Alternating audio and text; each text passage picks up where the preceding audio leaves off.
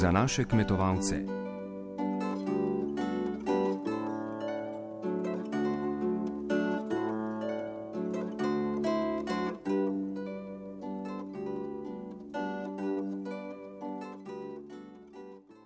Lepo pozdravljeni in vabljeni k poslušanju vsebin povezanih s kmetijstvom in podeželjem tudi v letu 2021.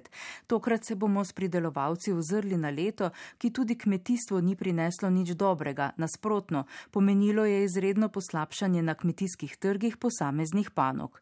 Ob prvem valu epidemije so težave pri odkupu najbolj občutili pridelovalci zelenjave, v drugem valu pa so o alarmantnem stanju pri prodaji poročali prašičerejci in rejci rejci goveda, ki opozarjajo tudi na povečano nesorazmerje med odkupno in maloprodajno ceno. Člani sveta Kmetijsko-gozdarske zbornice Slovenije so decembra opozorili na slabšanje razmer, ki so posledica stanja na evropskem in svetovnih trgih, zlasti pa pandemije. Če vlada ne bo prisluhnila njihovim zahtevam do 31. januarja, bodo začeli pripravljati protestne in druge aktivnosti. A ob začetku leta bomo dali besedo kmetom in kmeticam, zaslužnim za ohranjanje slovenskega podeželja.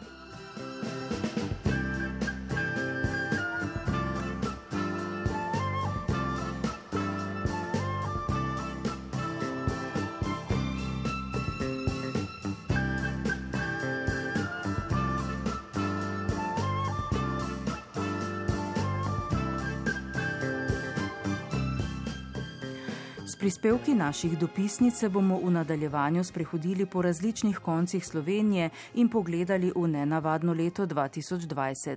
Na področju pridelave je bilo lansko leto povprečno, kljub pomladni suši in poletni krajevni toči. Lepa jesen je kmete bogato obdarila, pa vendar kmetje v podravju pravijo, da je bilo leto 2020 prelomno, saj je do obisti razgalilo krivična razmerja v panogi, ko kmetje ne dobijo ustreznega plačila za svoje delo, zato tudi opuščajo kmetije. Hkrati pa je tudi pri nas vse več kazalcev, da kmetijstvo ni več v domeni kmetov, pač pa multinacionalk. Prispevek Gabriele Milošič. S kmetijstvom se družina Leben iz Moškancev v občini Gorišnica ukvarja že 200 let. Pridelujejo česen, buče in redijo prašiče. Zemljo imajo v krvi. S ponosom pravi gospodar Slavko Leben. Upam pa si trditi, eh, pa to nam tudi eh, marsikdo eh, pritrjuje, da pa pridelamo zelo, zelo kvalitetno hrano. Slovenske pridelke in meso kmetje težko prodajo. Leto so v hlevih predolgo ostajali goveji pitanci, pa prašiči in izgubljali ceno. Na njivah je ostal in zagnil krompir, pa veliko zelenjave, saj vrci, šole in restauracije zaradi zaprtja niso odkupovali domače zelenjave. Slavko Leban.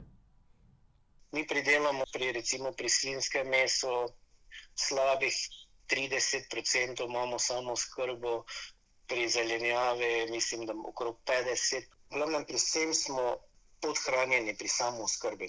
Vidimo, da, da uporabljajo domačo proizvodnjo trgovci samo za praktično za trik, da pridobijo eh, kupce v trgovino, potem pa ti niti nimajo dosti krat možnosti, da domačo hrano kupijo mesa imamo v izobilju, kmeti ga ne morejo prodati. Prav, prav tako je zdaj recimo s krompirjem, podišče so polno ne gre, da se najprej očistijo te rezerve, ki so znotraj države, to se pravi, da se eh, zakolje slovensko meso, da se da prodamo naš krompir in zelenjavo. Potem bi mogli tisti uvoz nadoknaditi z pač, koliko bi manjkalo. Ne? Dodaja Denis Pinterič iz kmetije v Zamušanjih. Obe družini, Leben in Pinterič, v kmetijstvu ustrajata, čeprav so razmere za slovenskega kmeta vsako leto slabše. Denis Pinterič opozarja. Kmetije so na veliko opuščajo. Slavko Leben pravi, da je čas, da si nalijemo čistega vina in si priznamo, da kmetijstvo tudi pri nas obvladujejo multinacionalke. Multinacionalke, ki proizvajajo hrano samo za denar, in samo denar je važen, in pogodbe, ki jih pač naši trgovci z temi multinacionalkami sklenejo, morajo izpoštovati. Peter Pribožič iz Kmetijsko-gozdarskega zavoda Ptuj brez dlake na jeziku pravi. Predvsem pa prihaja k nam veliko škart robe, eh, rekel, slabše kvalitete, z nižjega cenovnega razreda. Rešitev je pravzaprav učitna, Peter Pribožič pojasnjuje. V tej prehranski verigi bi potrebovali drugačna razmerja. Da pridelovalec dobi eh, svoj delež, ki bo pokril vsaj stroške pridelave, eh, ne pa da je ta, ta razdelitev na tak način, kot je. A zdi se, da za vzpostavitev bolj pravičnega sistema v slovenski prehranski verigi na ravni države ni prave volje ali moči. Kmetje pa imajo še drugo možnost, pravi Pribožič. Mi bi morali nekako eh, iti v smeri, da bo čim več neposredne prodaje slovenske hrane. Eh, ko bo potrošnik in pridelovalec skrajšal prodajne poti, a zato je potrebna ozaveščenost in večja kupna moč potrošnika, ki bo pri kmetu doma iskal bolj kakovostno, lokalno, domačo in zato nekoliko dražjo hrano. V Sloveniji je okoli 80 odstotkov kmetijskih površin na območjih s težjimi pridelovalnimi pogoji. Znotraj tega je 39 tisoč hektarjev površin z velikim nagibom. Takšnega obdeluje tudi kmetija Jane Zabeje iz osrednjega dela Slovenije iz občine Litija. Živinorejsko gozdarska kmetija leži na meji z Zagorjem ob Savi in Trbovljami. Od skupno 48 hektarjev je dobrih 10 obdelovalnih površin. Več kot polovica gozda je nedostopnega, varovalnega, tudi travniki ležijo na zelo velikih strminah. Janez Beja je sicer znan kot borec za pravično obravnavo hribovskih kmetij. Z njim se je pogovarjala Jrnejka Drolec. Bom rekel takole, eh, leto, leto 20, 2020 eh, je bilo seveda leto preizkušen, tako iz vidika eh, COVID-19 in ne nazadnje tudi izradi zitega slabega ekonomskega položaja hribovskih kmetij. E, cene bikov in telico se še posebej za hribovske kmete zelo, e, zelo znižale, ker nimamo intenzivne reje, ampak imamo e, ekstenzivno rejo, kar posledično pomeni še dodatno manjšo ceno. Prav tako je bilo z ceno lesnih asortimentov v spomladanskih mesecih in poletnih je cena katastrofalno padla in dogajalo se je celo to, da se niti teh lesnih asortimentov ni dalo prodati. In takole, če naredite črto, torej izguba na kmetijah. Če potegnemo ekonomski izračun, je to katastrofalna vsota na, na teh ribovskih kmetijah, z drugimi besedami, eh, iskati je potrebno druge vire, da kmetijo preživimo. Koliko pa tukaj pomagajo različne subvencije, različna plačila, ki jih eh, država daje kmetom? Subvencije so v preteklih, bom rekel, pred 10-20 leti zelo, zelo pomagale eh, hribovskemu kmetu. Eh, kar pa to ne pomeni zadnjih eh, 15, 16, 17 let, ker so hribovskemu kmetu zmanj, znatno zmanjšali subvencijska sredstva tudi do 50 odstotkov. Eh, seveda, zdaj pa, če to seštejemo, manjše subvencije, nizka cena in resnično eh, hribovski kmet ne more preživeti in živeti kmetije. Kako torej gledate naprej uh, v leto 2021? Kaj si želite, kaj pričakujete?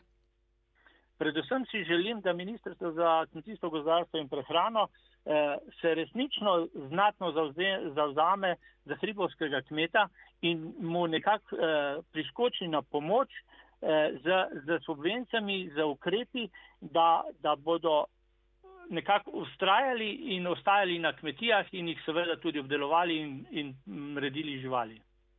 Ali mislite, da je velika nevarnost, da bi opuščali prav to hribovsko kmetovanje?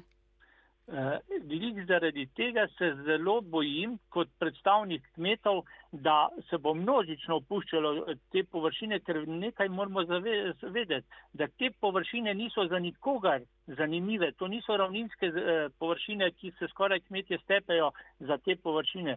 Te površine, ko kmet neha kmetovati, se začno zaraščati. Uh, to je pa seveda idealno za preštevilčno devijati in tako naprej.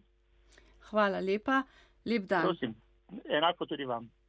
Tudi na Koroškem so še znane osamljene visokogorske kmetije, tako imenovani celki, kjer kmetije z različnimi dejavnostmi ohranjajo svojo dejavnost. A takih časov, kot so bili zaradi epidemije letos, kmetije ne pomnijo. Medka Pirc. Kmetija Kajžer v spodnji Orlici je eden zadnjih kotičkov občine Radlje ob Dravi in hkrati po načinu življenja že skoraj v ribnici na Pohorju. Na kmetiji v osrčju pohorskih gozdov živijo tri generacije Ivanov praznikov. Glede na to, da ste tri generacije z istim imenom in priimkom, kako se znajdete? Vsak imamo svoje partizansko ime še zraven. Aha, mogoče kakšno je potem vaše? Janko. Najstarejši Ivan je pred 15 leti dejavno že prenesel na sina, pa tudi najmlajši Ivan v družini, ki se mimo grede ponaša z nazivoma najdijak in zlati maturant, je zapisan kmetijstvu. 250 let na tem koroškem celku že ohranjajo kmetijo iz roda v rod. Ključ preživetja je vse čas v enotni posestvi in raznolikih dejavnostih. Gospodar Ivan Praznik se zaveda odgovornosti gospodarjanja s tako kmetijo. Če po, podeduješ neko tako stvar, prve vrste je spoštovanje, da boš to ohranil, nadaljne te pa morala veže, da boš nekaj dodal v kameč, neki kameček v mozaiko, da bo se stanje poboljšalo, zboljšalo, da boš lažje delal, da, bo, da boš tudi nekaj zapustil naslednikom. Glavne dejavnosti na tem celku so še vedno kmetijske. Izstopa sadjarstvo, ukvarjajo se s čebelarstvom, a tudi za čebele letos ni bilo najbolj ugodno leto. Leto 2020 se je lepo začelo, vendar je kar kmalo potem udarila ta, ta korona in to smo mi zelo občutili na cenah mleka in mesa. Zlasti se je pa to odražalo pri lesu, ker se je dobava oziroma odkup lesa se je popolnoma ustavil, ker naši kupci so Koroška kmetijsko-gozdarska zadruga, leta pa posluje z Avstricom in Avstric je zaprl obrate in tako je se trg z lesom ustavil. Glede na to, da na kmetiji upravljamo več dejavnosti, to se pravi, imamo osnovno kmetijsko dejavnost, potem se, uh, imamo uh, gozdarstvo in dopolnilne dejavnosti, se te stvari nekako dopolnjujejo, tako da smo uh, premostili tisti izpad dobička oziroma dohodka iz lesa in smo se posvetili bolj kmetijske dejavnosti. Tekom leta se je sicer stanje nekoliko normaliziralo in potem v jesenskem obdobju nas je reševala dopolnilna dejavnost uh, pridelave sadja, pa opravljamo vzdrževanje uh, cest, tada upam, da bo se leto končalo v nekih normalnih okvirih. Najstarejši na kmetiji pa v pogledu na prihodnost opozori, da bi moralo biti kmetijstvo bolj cenjeno.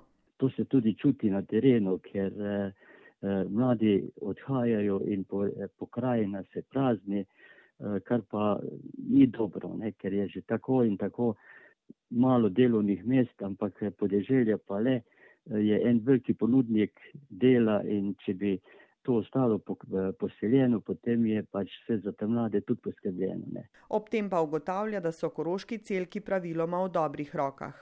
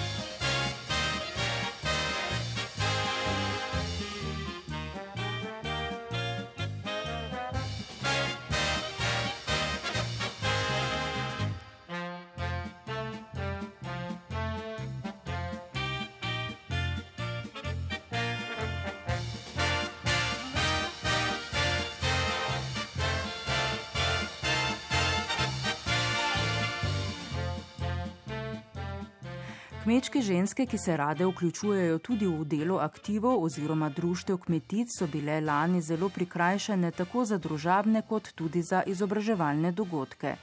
To povdarja tudi predsednica več kot 40 let delujočega društva kmetic Križevci Veržej, ki šteje okoli 100 članic, Majda Markovič. V Borecih jo je obiskala Lidija Kosi in jo najprej poprašala, kako so prleške kmetice preživele lansko leto.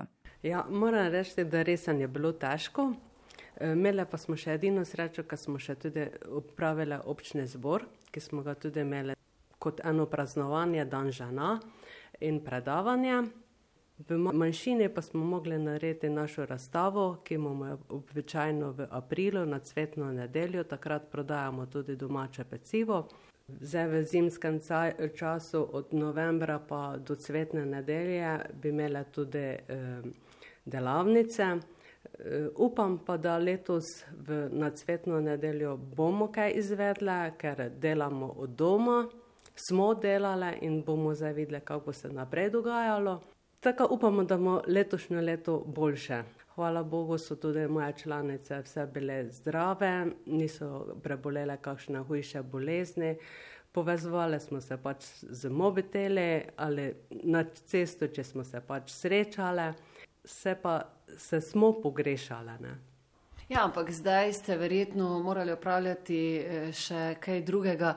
Ta epidemija nas je vse nekako prikovala na dom, na domače ognišče. Tudi to je verjetno eh, ena od značilnosti leta 2020. Ste zaradi tega mogoče več kuhale, pekle? Ja, smo res. Malo smo več kuhale, pekle, eh, tudi na vrtu. Samo manjka pa ti nekaj tistega pogovornega, pa sej ženske smo pač tiste radovedne, kaj imajo druge, eh, kaj ima ona na vrtu, kaj ima tista na vrtu in si izmenjamo izkušnje tudi. Ali kak je v hlevo, ali kak je živina. Eh, tudi to vemo, da smo imeli lanskem letu zelo veliko krizo, eh, ni se moglo prodajati živina, tudi prešiči ne. Tako da smo res eh, v tistem nekem krču, samo eh, kmečka ženska je tista kmečka ženska, ki vsako slabo tudi je za nekaj dobro in ne obupa v prvem koraku. Ne. Nekako poskuša, eh, kako to rešiti, to situacijo, pa vse. Že stari rek pravi, da po novem letu boljše bo, te pa upamo, da bo letos boljše. Na nižinski kmetiji Horvatovih v Dogošah pri Mariboru so že pred skoraj dvema letoma začeli organizirano prodajo zelenjave na domu. Kupci so jih spoznali in radi prihajajo k njim, pove Jože Horvat. V času epidemije pa se je ustavila prodaja v gostilne in šole, zato je težko načrtovati, kaj in koliko saditi v tem letu. Veste, kaj je naj, najtežje sedaj v tem času, je planiranje za naprej. Ne? Recimo, mi lahko sedaj uh, prodamo to, kar imamo, sezona se zaključuje, ampak sedaj se pa pojavlja vprašanje, koliko semena nabavi za naslednje leto, koliko gnojila nabavi za naslednje leto, sadike bo potrebno naročiti. Uh, recimo, zdaj, da vam konkretno rečem za krompir, če me vprašate, ne vem. Krompir ne prodamo čisto nič, krompir, cena je slaba, ampak ne samo to, tudi prodaja se čisto ustavlja. Sedaj pa naj uh, mi nekdo reče, koliko semenska krompira nabavi za naslednje leto, če so skladišča polna. No, tu pa so potem uh, tu pa so potem, ne vem, eh, se, nimam, nimam odgovora. Ne. Se pravi, situacija zagotovo ni eh, perspektivna. Ne? E, ni, ni perspektivna, uh, ampak kot smo že rekla, se pa je recimo popraševanje po lokalno predelani hrani povečalo, ampak uh, sedaj, recimo, zakaj krompir ne gre, uh, bi rekel, da ga je enostavno preveč.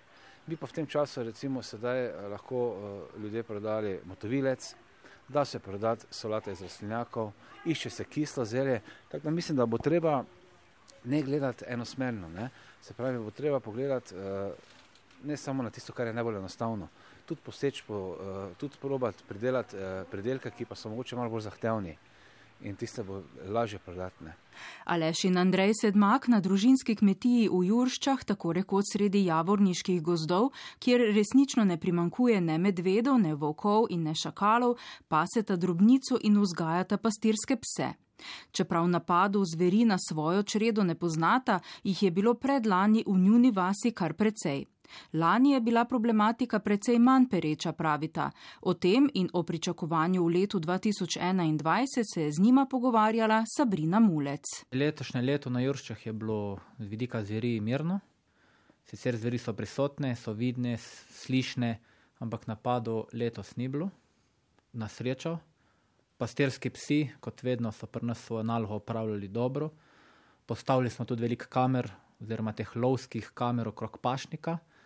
To je bilo bolj proti koncu pašne sezone, sicer je veliko uh, volkovidnih medvedov, se pravi, da so prisotni in da psi dejansko svojo nalogo dobro upravljajo. Se pravi, mi, mi dva, naša kmetija, kar ženemo na pašo, priženemo nazaj iz paše.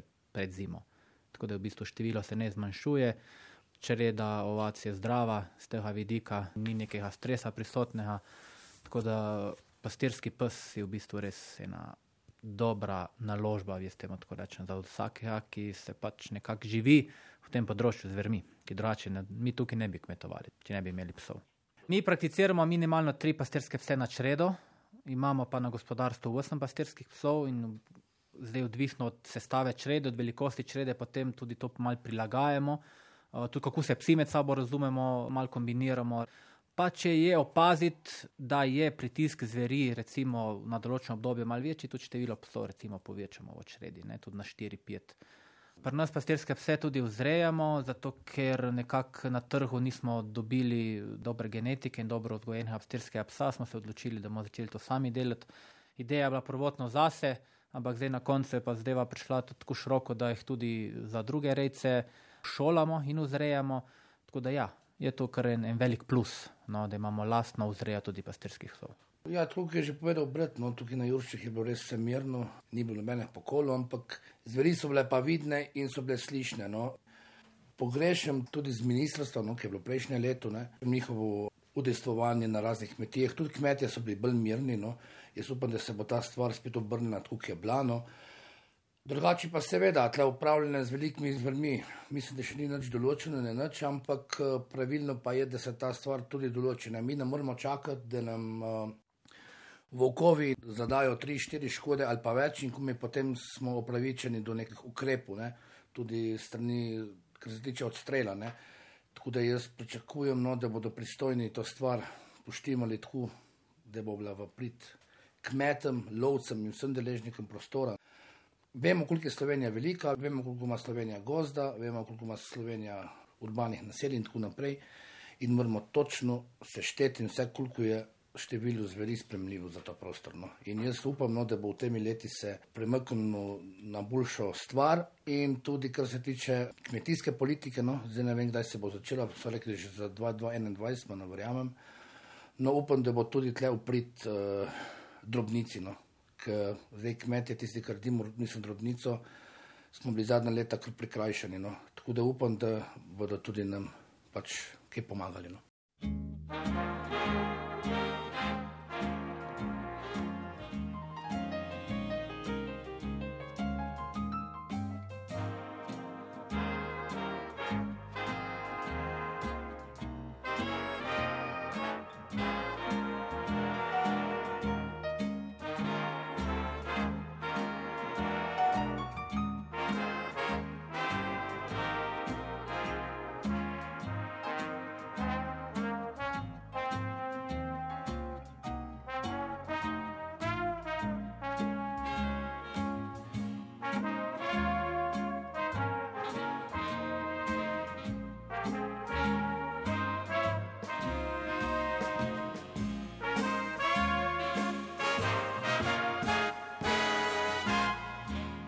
V Posavju se je dopisnica oglasila na biodinamični kmetiji Črnelič v Dečnem selu, ki je lani poleti na evropskem natečaju Rural Inspiration Awards 2020 prejela največ glasov javnosti ter se izmed 71 prijavljenih uvrstila na prvo mesto.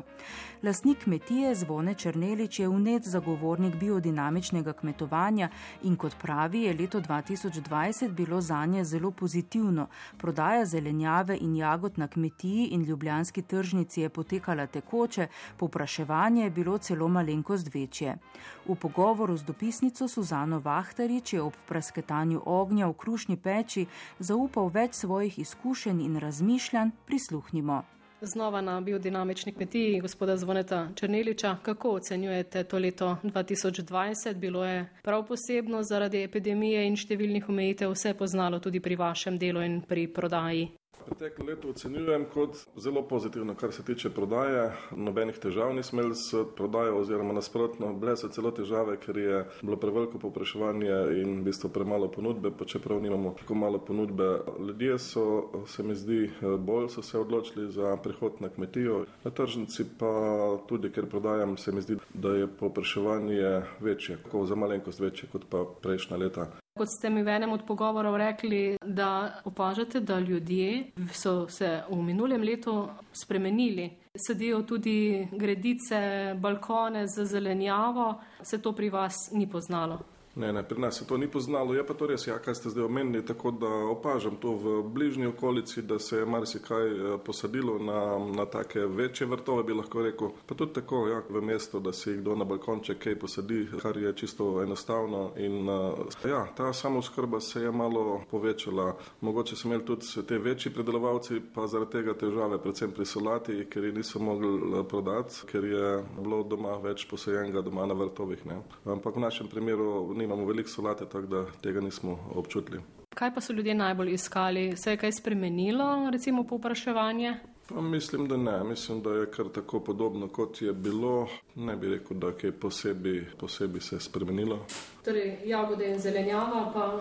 Ja, no, mogoče pa pri jagodah. Ja, jagode pa so šle. V lanskem letu je bilo eh, popraševanje po jagodah večje, ker je iz tujine bilo verjetno manj jagod, verjetno so bile tam težave z obiralci in se je to poznalo. Omenjali ste težave, kaj pa pri vas na kmetiji z delovno silo? Imate tudi nekaj pomoči v viških sezone? Še, še, ja. še občutki so pa tako, tako, no za naprej. Se mi zdi, da bo vse težje dobiti ljudi za tako delo, kljub viškom delovne sile. Tako da to malo čudno in tle bi bilo treba mogoče nekaj spremeniti. Moj apel je takšen, da bi recimo tudi v kmetijstvo za ta namen se namenila neka sredstva, recimo da bi lahko ljudi uradno zaposlili in da bi del, pač, ki je namenjen za vzdrževanje oziroma za pokojninsko zavarovanje, za zavarovanje delavcev, da bi to sofinancirali financirala država in to bi bil potem en večji prispevek še, da bi zaposlili več domačih ljudi. Decembra in januarja zdaj verjamem, da je na kmetiji nekoliko manj dela, kako je pri vas? Ja, pri nas je zdaj res eh, manj dela zelenjavo, se je končalo, tako da je bolj decembr tak eh, ležern. Z januarjem pa začnemo že z setvijo semen eh, za naprej, načrti za naprej. Februarjem se pa že začnejo pokrivati prvi rastlinjaki, jagode in potem z marcem pa že počas na, na nive naprej. Kako pa je lani poleti prejeta nagrada na evropskem natečaju Rural Inspiration Award, se mi zdi, vplivala na vaše delo, ne samo da je priznanje, ali se je še kako drugače poznala? Ja, to je bilo pa res, eh, res en uh, tak pozitiven premik tudi za okolico, tole ožjo, kjer jaz živim in širše po Sloveniji in eh, še širše do Bruslja. Imel sem tri konference tudi v Bruslju, videokonference. Zanimalo jih je v Bruslju, kako takšna kmetija, majhna za evropske razmere, čeprav obdelujemo 40 hektarov, kako lahko funkcionira na tak način in to sem jim mal razlagal. Popraševanje zaradi tega se je pa tudi povečalo, predvsem tu v bližnji okolici, ker ljudje v domačem kraju ti toliko ne zaupajo, ampak ko nekaj slišijo na radiju, na televiziji, je pa to se poznalo. Tudi drugi premiki, da se marsikater kmet eh, še odloči za ekološko kmetovanje. Tako da vse pozitivno bi rekel o tem. Hvala vam in vse dobro v tem novem letu. Ja, hvala tudi vam.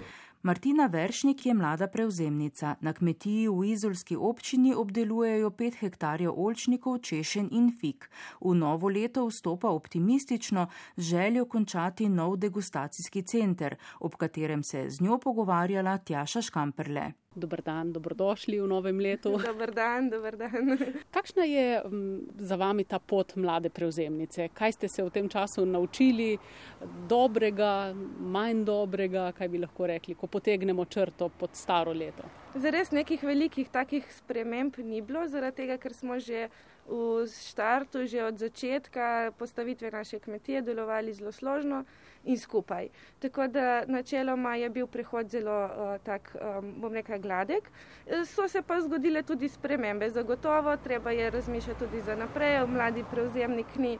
Um, ni kar tako, je stvar, ki jo je treba premisliti, stvar, ki jo je treba načrtovati in tudi smiselno finančno vrednotiti. Tukaj je kar potrebno razumno stopiti na to pot.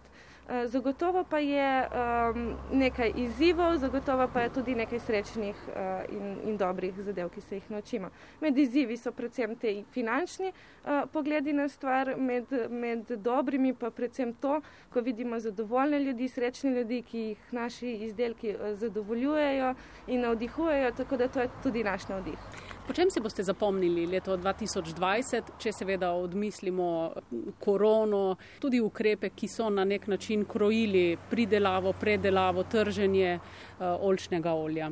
No, zagotovo bojo tudi te, uh, vse te zadeve uh, na to leto spominjali, težko, težko se jim je izogniti. Zagotovo bo pa uh, ostalo tudi, uh, bom rekla, dobra, uh, relativno dobra letina oljčnega olja. Oljčno olje je letos zelo kakovostno, uh, seveda odvisno od tega, kaj so pridelovalci uh, delali. Za tiste, ki so bili pridni, so lahko zelo dobri obeti.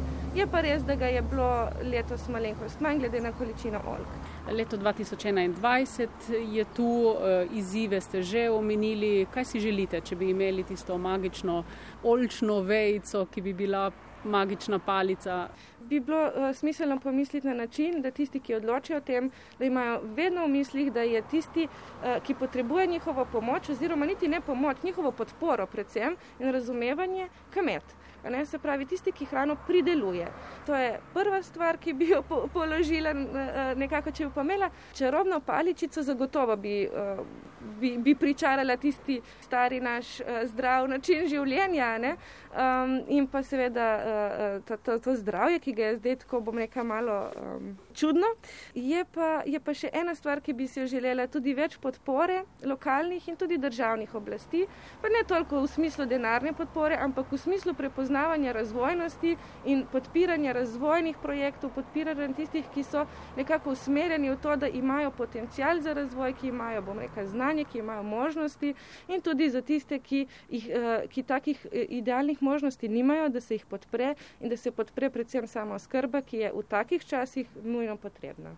Hvala, vse dobro in srečno v novem letu. Hvala tudi vam in srečno vam in tudi vsem vašim poslušalcem.